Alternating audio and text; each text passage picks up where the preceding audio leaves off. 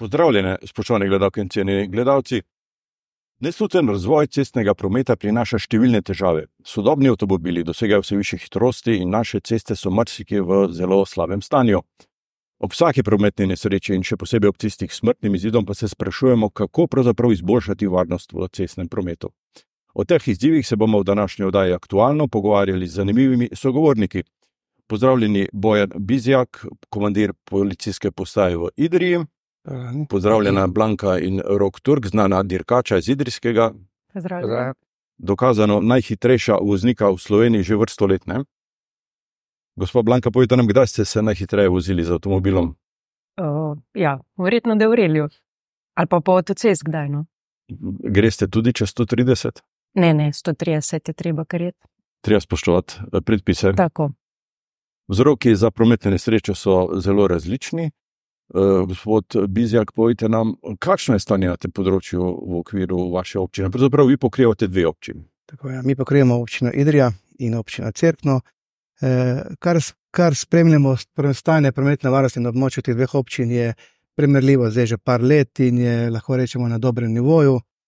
Eh, če samo omenim število prometnih nesreč za zadnji dve leti, se pravi leto 2022 in 2023, eh, eh, se pravi. V letu 2022 je bilo teh prometnih nesreč 96, in uh, v letu 2023 je bilo teh nesreč uh, ravno tako 96. Se pravi, stanje je na enakem nivoju. Vzroki so pa različni. Vzroki so pa različni, seveda, ampak še zmeraj na prvem mestu je prav ta nepri, neprilagojena hitrost. Uh, drugi vzrok je stran in smer vožnje, potem pa so še naprej ostali vzroki, razna izseljevanja prednosti, premiki z vozilom, neupoštevanje prednosti in ostale kršitve. Eh, poglejmo si kratko izjavo eh, Mirana Mozetiča iz AMD iz Nove Gorice. On je sodni izvedenec, strokovnjak za to področje. Povedano mi je pravzaprav, kaj se dogaja z avtomobili ob teh trkih.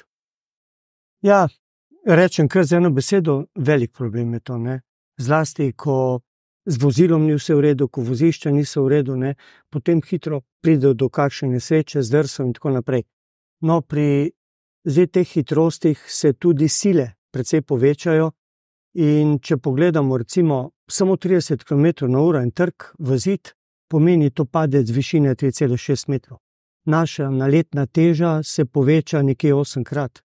Če pomnožimo našo težo 50-60 kg, kot to imamo 400-500 kg trku, ki jih moramo zadržati. Če njo pa so, je to nemogoče pri recimo 50 km/h je to že pade z višine 10 metrov in je preživetje že vprašljivo. 50% možnosti imamo, da preživimo, 50 ne. Nesreče s smrtnim izidom so pravzaprav najbolj tragične. Eh, vaše območje je v lanskem letu bilo poseben rekorder. Kako to? Ja, nažalost, ja. E, že dolgo let, se pravi od leta 18 naprej, nismo beležili nobene smrtne Eh, se pravi, nesreče s smrtnim izidom.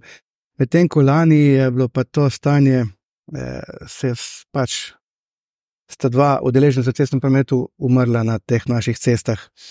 Eh, Pravzaprav so bile tri nesreče s smrtnim izidom, ena iz drži, drži. Beležili smo tri prometne nesreče s smrtnim izidom, kar se pa kasneje izkazalo, da je pač eden od teh udeleženih umrl zaradi zdravstvenega stanja in ni kršil pač predpisov, da bi mu lahko kot prometno nesrečo zabeležili.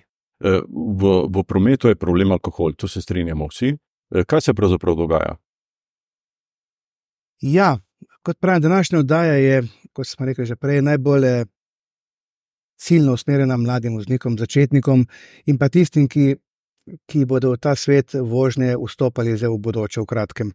Res je, da eh, že vozilo kot tako smo menili prej, so nova, so moč, močna, hitra, Eh, in če je voznik neizkušen, že kot tak, je to vozilo za njega lahko kaj malo neobladljivo več. Če pa temu dodamo še alkohol, vemo, kako alkohol vpliva na stanje voznika, eh, zmanjša reakcijske čase, eh, vidnost, vidnost zaznavanja je slabša, oža se odzorni kot voznika. Definitivno alkohol ni za navozišče in kot že več let eh, preventivno delujemo in predlagamo mladim in ostalim udeležencem, naj, če že grejo na neko zabavo, na neko karkoli. In če se že popije alkohol, naj si uredijo nek prevoz za nazaj. Naj se, če so v treh, štirih, naj eden od tistih se ti dan, da moraš žrtvuje in ta dan ne pije in naj jih varno, da mu pripelje. Ja, to je pomembno, namreč v državnem merilu vsak, vsaka četrta smrtna žrtev v prometu je povezana z alkoholom.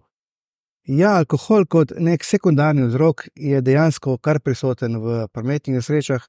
E, moram reči, da na našem območju smo, smo opravljali redne preizkuse alkoholiziranosti, zato ker pa, pač naš cilj je ta, da bi zagotovili čim večjo stopnjo pričakovanosti. Se pravi, da bo nekdo na nekem mestu zaustavljen in tudi preizkušen z pač, alkotestom. Ne. Kaj to pomeni? To pomeni to, da eh, ljudje že preden sedajo v avto.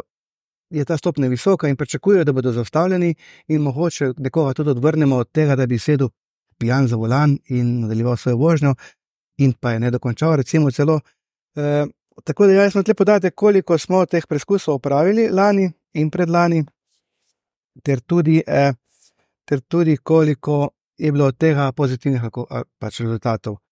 E, v letu 2022 smo opravili 2260 preizkusov alkoholiziranosti, pozitivnih je bilo 92. Se pravi, nekaj je, ima lahko bilo manj, ni pa to spet neka alarmantna zadeva. E, v letu 2023 je bilo pa teh preizkušenj 2273 in pa, in pa malo manj pozitivnih, se pravi 54. Tako da stanje se je na tem področju očitno malce izboljšalo. E, Pojemo pa to, da za poklicne voznike e, in za voznike začetnike velja določilo nič nič. Tako je, ja. poklicni vozniki, inštruktori avtošol, vozniki začetniki imajo to stopnjo alkoholiziranosti 0,0, seveda. In to najbrž velja ta 0,0 tudi za dirkače, voznike vrelijo, kako je tam.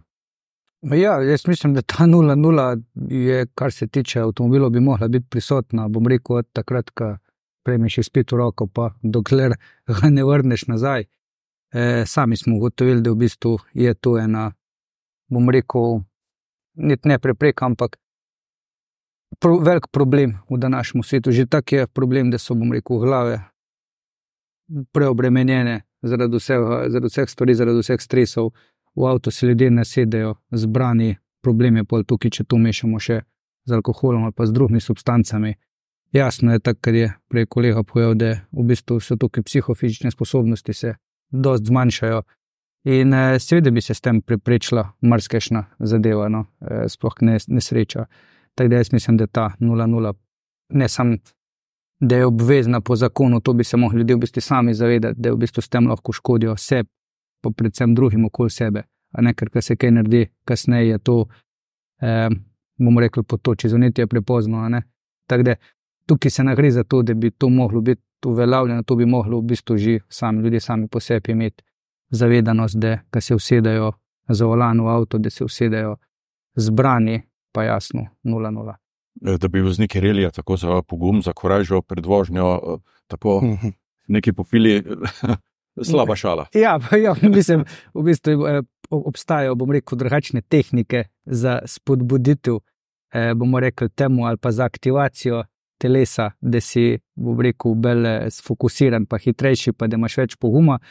Eh, jasno je, da mogoče to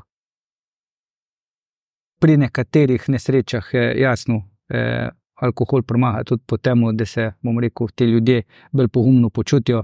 Mogoče zaradi tega pritisne več gas, pa se naredi kakšna taka stvar. Eh, ampak jaz se pravim, eh, mislim, da za alkohol ni prostora v vozilu, eh, kad bom rekel, v celnem prometu, še manj pa pri športu. Druge za volanom v zadnjem času spremljamo poročila tako policije, kot tudi drugih eh, organov o tem, da jih je vse pogosteje se soočamo s kokainom, z marihuano. Eh, kako policija nadzira to, to problematiko? Tukaj imate, seboj ste prinesli poseben, kaj je to tester. To je tester za preizkus prisotnosti droge v organizmu, seveda. E, ja, z drogo je pa tako, ne. zdaj modern čas narekuje tudi novejše, modernejše oblike, oblike substanc, ki vplivajo na počutje, na psihoaktivno stanje voznika. In eh, policisti, med drugim, se pravi, poleg alkohola, ugotavljamo tudi prisotnost drog v, med vožnjo.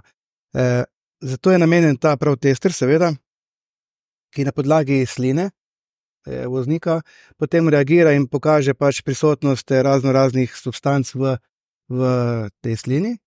Eh, Na podlagi tega se potem eh, voznik lahko odloči, ali se z rezultatom seveda strinja, ali pa ima možnost tudi še strokovni pregled, ker se potem z analizo krvi in urina potrdi, oziroma lahko tudi ne, da je pač ta substanca prepovedana v organizmu, in s tem potem sledijo ustrezne ukrepe naprej. E, Če pa zavrne odhod k zdravniku, to pomeni, da je priznal krivdo. Ja, če zavrne ta strokovni pregled, eh, potem se avtomatsko ja, ne da se šteje kot da je pozitiven, šteje se, da je odklonil in to je že sankcija, ki pač posledično pomeni prenehanje veljavnosti vozniškega dovoljenja in globa kar 1200 evrov, se pravi, huda sankcija za to. No.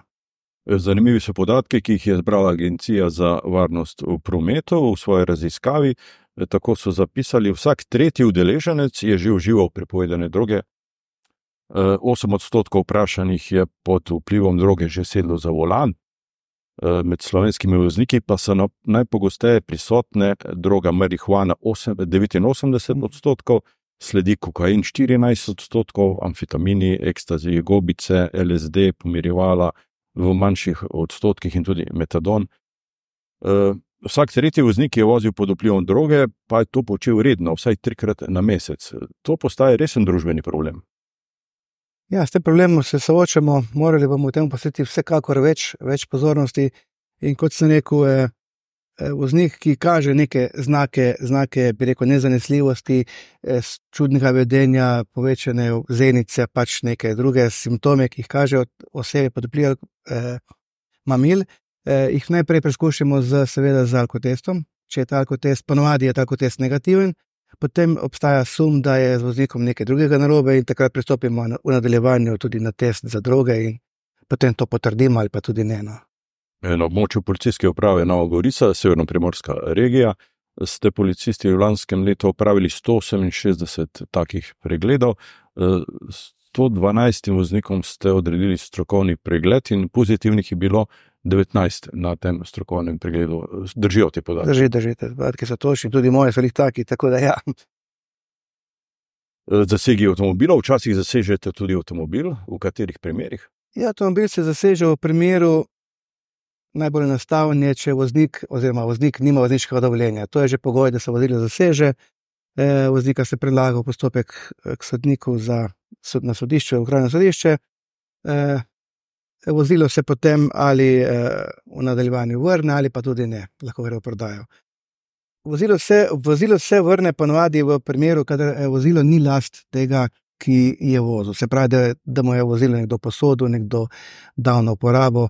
Eh, Takrat se vozilo pravilno vrne. Tudi če je vozilo novejše, boljše kvalitete, se vozilo ne uničuje, ampak se ga vrača in se pa zagotovi z drugimi načini, da se ta voznik ne vrne več na cesto, dokler ne izpolnjuje pogojev za to.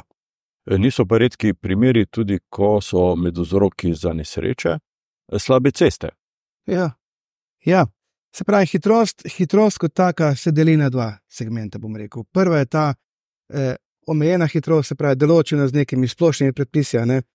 Da moraš izven naselja 90 na uro, v naselju 50, eh, avtoceste 130 in tako naprej.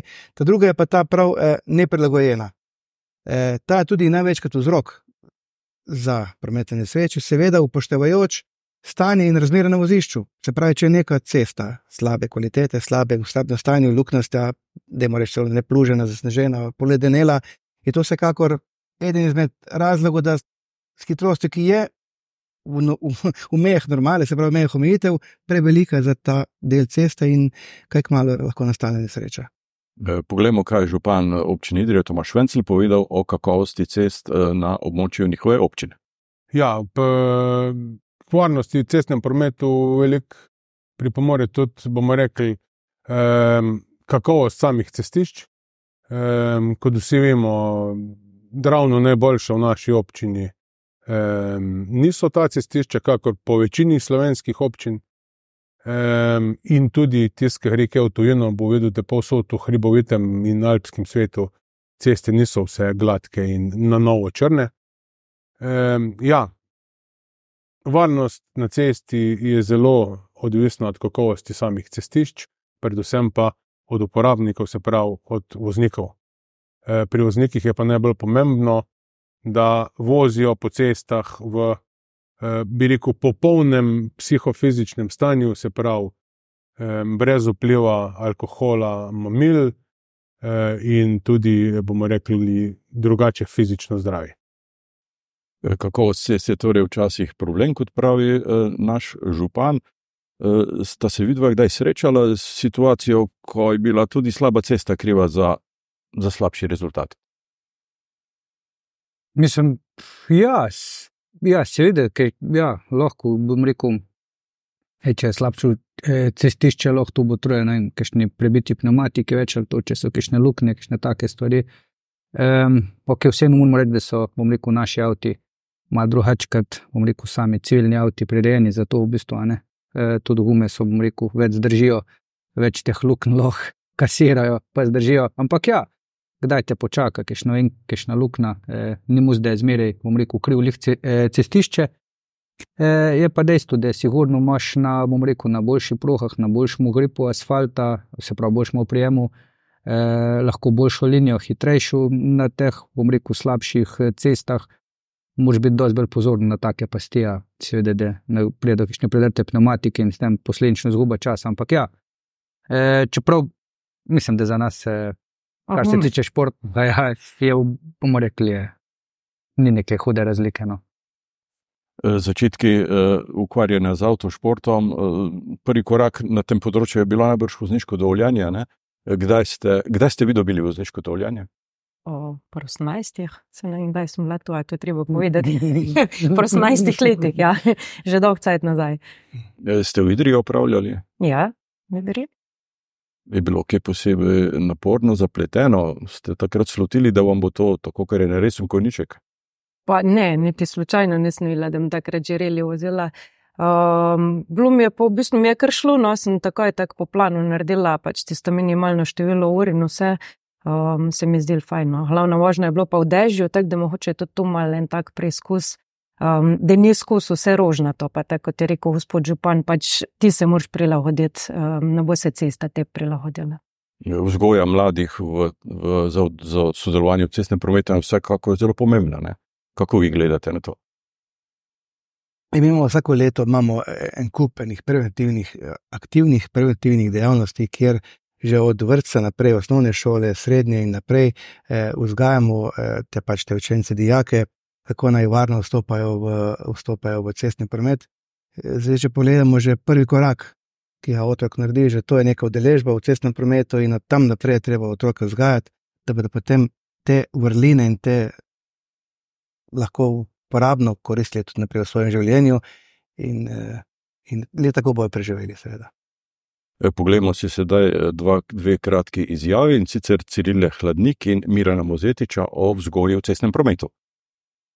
Zelo pomembno je, to je treba že v kali, vam rekla že pri otrocih in to že delamo ponovadi, eh, ko delajo otroci v petem razredu izpit za kolo, tako da jih je že takrat treba eh, nad, eh, s, ce, s prometom speljati skupaj in eh, obelodaniti eh, na, eh, vse nesreče, ki se lahko zgodijo. In tako da že takrat, to je treba že vse zgodaj, vam rekla že. Čim bolj zgodaj, tem boljše. Zdaj, zato imamo ustanovljen svet za preventivo in vzgojo v cestnem prometu. Jaz sem tam že kar ne 3-4 mandate, uh, zdaj zadnje dve leti sem predsednik.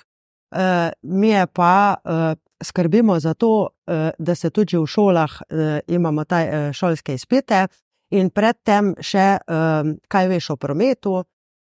Tako da tisto otroci tukaj poskusijo in v prometu, in v testih se poskušajo, ne, in na poligonu. Ja, mladi vozniki, danes, če pogledam nazaj, moja leta, pa zdaj mladost, vozila so precej hitrejša, so tudi varnejša. Kup varnostnih sistemov je v vozilih, ki nadzira vozilo, ki pomaga, recimo pred trkom, da do trka ne prije. In potem, eh, ko pride do trka, so še elementi pasivne varnosti. No, tisti prvi so bili aktivni, to je pa pasivna varnost, varnost vreče, pasovi in tako naprej. Mladi vozniki mogoče precenjujejo svoje znanje, mogoče te hitrosti ne dobro dojemajo, ker enkrat, ko pride do trka ali pa potrebe do hitrem ustavljanju, ne, to ne poteka tako hitro. Ena pot ustavljanja je sestavljena recimo iz reakcijske poti, ki jo prevozi voznik v eni sekundi, približno, potem pa še zavorna pot, ki se pa razlikuje od tega, ali je suha, mokra podlaga, se pravi, je še ena taka pot na suhi podlagi, krat dva na mokri in krat štiri na polideneli. Tako da predno se vozilo ustavi. Predno se vozilo ustavi, pove naš eh, sogovornik, kako, eh, kako izgleda v dirkaškem avtomobilu, ko izgleda, da, da se vozilo ne bo ustavilo. Jaz zmeri moš verjeti, da se bo pošlo. Ne? Predvsem je to, kar nehaš verjeti, pa si bo rekel vrhu puško v koruzo. E, dejstvo je, da ja, mogoče pri nas se bom rekel, zaradi tega, kar smo prej, ker so avti in bom rekel, vse tehnologije in gume, bom rekel, temu namenjeni, lahko dost kasneje bremza, mogoče nekje nit ne bremza, pa, pa se v bistvu to vse pokorigira, ker so avto temu namenjeni. Jasno, v ciljnem prometu je pa to treba, bom rekel, res imeti bom rekel, dobro, dobro kontrolo nad, nad vozilom. Se pravi, fajn je, da, da svoj avto tudi dobro poznaš. Zato so to fajn ti poligoni, oziroma zelo, zelo priporočljivi. Mislim, da tukaj se premalo poudarka dela pri teh eh, upravljenih vozniških izpitih, ki so ti poligoni, bom nekaj rekel, oziroma ta učna ura, učno, učno dopoledne na poligonu obvezno. Eh, da tam res prideš s svojim avtom, da ti v bistvu svoj avto poznaš. Takrat, ko si v Mehiki, ko si poznal svoje kolo, kad si se učil host od začetka, v bistvu, da si spoznal svoje noge, kaj ti dovoljujejo. Tako je dobro, da tudi avti, tako je bilo rečeno, avti so novejši zaradi več varnosti, se pravi, so tudi težji, se pravi, premikamo večjo maso, bom rekel, z večjo hitrostjo. Ne? To pomeni, seveda, to dosti težji, danes ostaviti, seveda so zavore boljše. Če pogledamo, včasih avti, ko so imeli po 600-700 km, je bilo to, bom rekel, enkrat manj, kot danes, ko imamo avto, ki ima tono 400, ki ga je treba ustaviti. In ta sila naredi svoje. In v bistvu največkrat se mogoče ljudje niti ne zavedajo, sploh na rekel, slabših podlagah, kad je mokra ali pa ledena, da v bistvu jih lih eh, mogoče ta zavora ne bo rešila. Ne? Ker oni, ki dajo zavoro, v bistvu s tem dajo vozilo še pospeške, ker ta masa dobi pospeška. Ne? Tako da v bistvu res treba tudi zavoro pametno uporabljati, ne pa takoj tudi, bomo rekli, v tem primeru v paniko, ampak stvar probaš čim bolj hladno glavo rešiti in tako probaš čim bolj oceniti situacijo kaj je najboljši tisti trenutek, kako se v bistvu prepričati, da bodo posledice čim manjše. Ne? Tukaj se pa spet v bistvu lahko navežemo na to, da če je psihofizično stanje voznika tisti trenutek pripravljeno, ker to so delčki sekunde, lahko odreagiraš, pa bomo rekli temu, vsaj teoretično pravilno, vse je zdaj rezultat na koncu. Je, bom rekel, eh, skupek vseh pogojev, ki se pojavijo, ampak za to pravimo tukaj, v bistvu, da jih mladi, ker imajo, bomo rekel, temu še sveže možgane, sveže telo. V bistvu je ta akcijski čas zelo, bom rekel, lahko krajši. In tudi tukaj je ne, fajn, da so v bistvu se zna marsikaj stvari rešiti, če so, bom rekel, za volanom eh, prisebni in pač pripravljeni, da se pač vozijo. E, najbrž pa je treba upozoriti tudi na to, da e, so vaši avtomobili, dirkaški avtomobili, prilagojeni, posebej ojačani, in da naprimer, prometna nesreča z običajnim avtomobilom ali nesreča z vašim avtomobilom, to ni eno in isto. Ne? Mislim, ni pa, predvsem mi smo tudi na zaprti cest, kar ne ogrožamo nobenega drugega. Um, vemo, ko se spuščamo, pač, um, tako da je tu razlika. Mi smo opremljeni, ne vem, imamo zaščito za vrat, pasove, ki so pa, pač petočkovni pas, um, sedeži, to jače ni vse, pač drugače. Uh, vas je bilo kdaj strah? pa verjetno v kakšen trenutku je prišel, ampak če se prav izide, pač ti strah mine. Ste imeli vi kdaj prometno nesrečo? Jaz osebno. Ja. Ja, ja, imel s tem, da kar sem imel, sem jih imel v času službe na neki intervencijski nujni vožnji, se pravi, ko pač je šlo, je šlo tudi pri nas bolj na hitro. Pač nismo reli vozniki in se ni pošlo vsakične. Eh, Idrija je posebno mesto reli voznikov, to vemo vsi. Eh, najbrž je tukaj stanuje največ zmagovalcev državnih prvenstev na kvadratni kilometr v Sloveniji. Ja. Zagotovo. Eh, poglejmo, kaj si o tem meni naš župan Tomaš Vencel. Mislim, da je veliko naslovov um, reli prvakov, ki jih imamo idričani, um, ne vpliva na um, to, kako se ljudje v Idriji vozijo predvsem pa nam da vedeti, da smo na idrijskem koncu in na teh koncih, ki, imamo, ki imajo veliko ovinkov, dobri vozniki. Biti dober voznik, kot pravi župan, pa je najbrž v prvi fazi potrebno to, da cesto spoštuješ. Takrat smo rekli, da se tukaj zelo navežemo na, na vse to, tudi prej, kaj je bilo, kar se strahu tiče. Se dejansko, eh, bom rekel, malo strahu spoštovanja, ker se usedeš v avto, ker se odpraviš na cesto, je, bom rekel, zaželjeno. Se to ni ta strah, ki bi te uveril. To je v bistvu, lahko govorimo o tem strahu, bom rekel, sam, bom rekel, spoštovanja vsega skupaj, ker konc konc, kot smo rekli, to so, pa rečemo temu, reko, stroji, ki se premikajo po cesti, ki se v bistvu premikajo z neko hitrostjo in ti moraš biti bom rekel, vešč in sigurno vase, da z njim upravljaš. Tako da, ja, e, malo straha je prisotno, pa ne straha, ko boš zamudil, ko boš prišel na neko določeno lokacijo, kudar si dogovorjen ali kamor moš priti. Ampak malo tega, da boš res pozoren eh, na vse udeležence v prometu, ker eh, lahko te kdo spregleda, lahko prije, ker še ne napovedan peš stop na cesto. Pač v promet smo rekli, da je ni sestavljen samo, bom rekel, iz nas voznikov, ne? tukaj so kolesari, motoristi, pešci, se pravi, to je skupek eh, enih oseb, ki se trenutno nahajajo, bomo rekli, na igralnem polju, v katerega se ti vključiš, ki se usedeš v avto. Eh, in ja, moraš imeti pregled v bistvu pred sabo, za sabo, na stran, predvidevati. Jasno je to pride nekaj z letami, nekaj z izkušnjami, ki jih dobijo. Bom rekel, šoferji, po drugi strani pa tako ja, ogledala, zvratno ogledala, pač niso zastojno v avtu. Treba jih spremljati, treba glavo oblačiti, ne treba, da si v avtu, bom rekel, kot robot, eh, se jih gledaš naprej na cesto, ampak ja, skozi moš pa biti pozoren, bom rekel, na cel krog okoli sebe, odkje se kaj stvari dogaja, sploh bomo rekli v mestih ali pa sploh v rekel, kišnih okolicah šol in tega, kjer je prisotnih veliko otrok, ki ne veš, odkje bo kdo preletel. Tako da ja, mogoče malo lažje, ker se peleš pozal, kaj lahko gledaš sam naprej na cesto, eh, jasno, drugod pa moraš biti res eh, 100% zbran smo pred novo sezono vašega avtošporta. Eh, kaj napovedujete za, za to sezono? Ha, mislim, potrudila se bo po svojih najboljših močeh, sigurno pač gremo po, um, reka, po najboljše. Um, Tako da se bomo pustili presenetiti.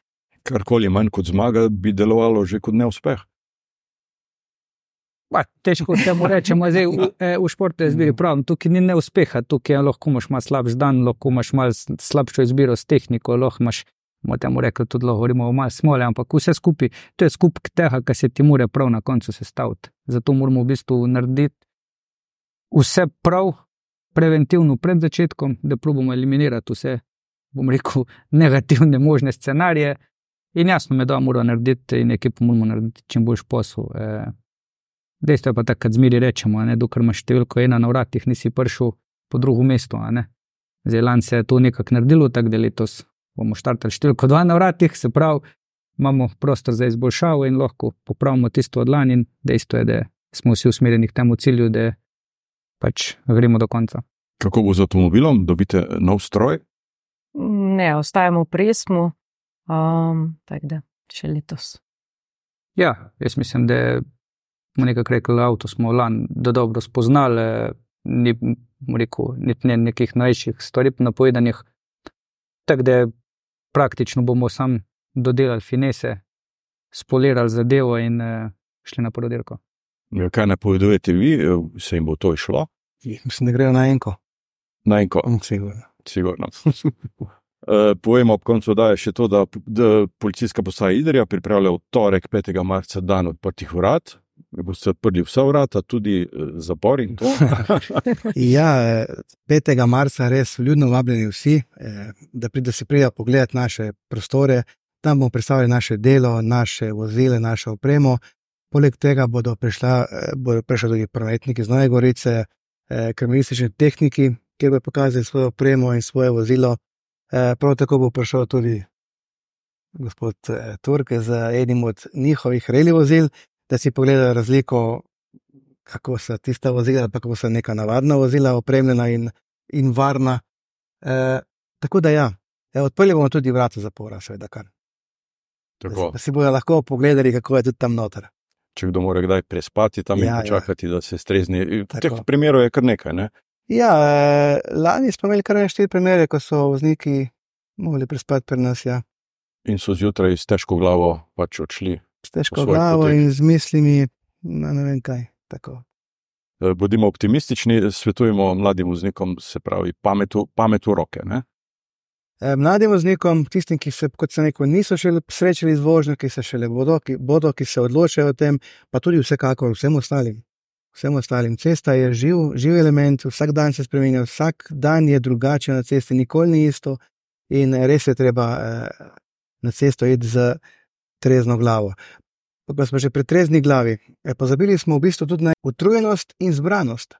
Lahko si čist trezen, čist brez vpliva droge, ampak si utrujen in si za volan neprimeren. E, vam dajemo razmislek, recimo, koliko krat ste šel v službo, da mu rečete, zidrijo v crkno, in ste imeli v glavi, oh, kaj sem danes v službi naredil, kaj bi še mogel narediti, ali sem to dobro naredil, ali nisem to dobro naredil. In ko prejš domov, niti ne veš, kje si se peljal, kako si se peljal, nič ne veš. Ne veš oko sebe, kaj se dogaja. Mislim, da nas je takih To je problem pri utrujenosti. pretrujenosti in pa nezbranosti sploh. No. Tako. To bi morali eh, vozniki zelo. Vozniki imamo to sam pri sebi, eh, to se pač ne da meriti, to je res od vsakega posameznika, da se s tem, da se s tem sooči sam kot tak in da če si utrujen, le, nisi do tam. Nisi primeren za vožnjo. Tako. Tako. Bojem Bizjak, načelnik policijske postaje Idrija, Rok Turk in Blanka Vecin, legendi avtošporta. E, Hvala vsem trem za obisk v našem studiu in hvala za sodelovanje v tej oddaji. Hvala. Ali pa. E, Pred koncem pa si še skupaj pogledamo kratek promocijski film, ki predstavlja delovanje slovenske policije. Vam, spoštovani gledalci in cenjeni gledalci, pa seveda hvala za pozornost in seveda srečno.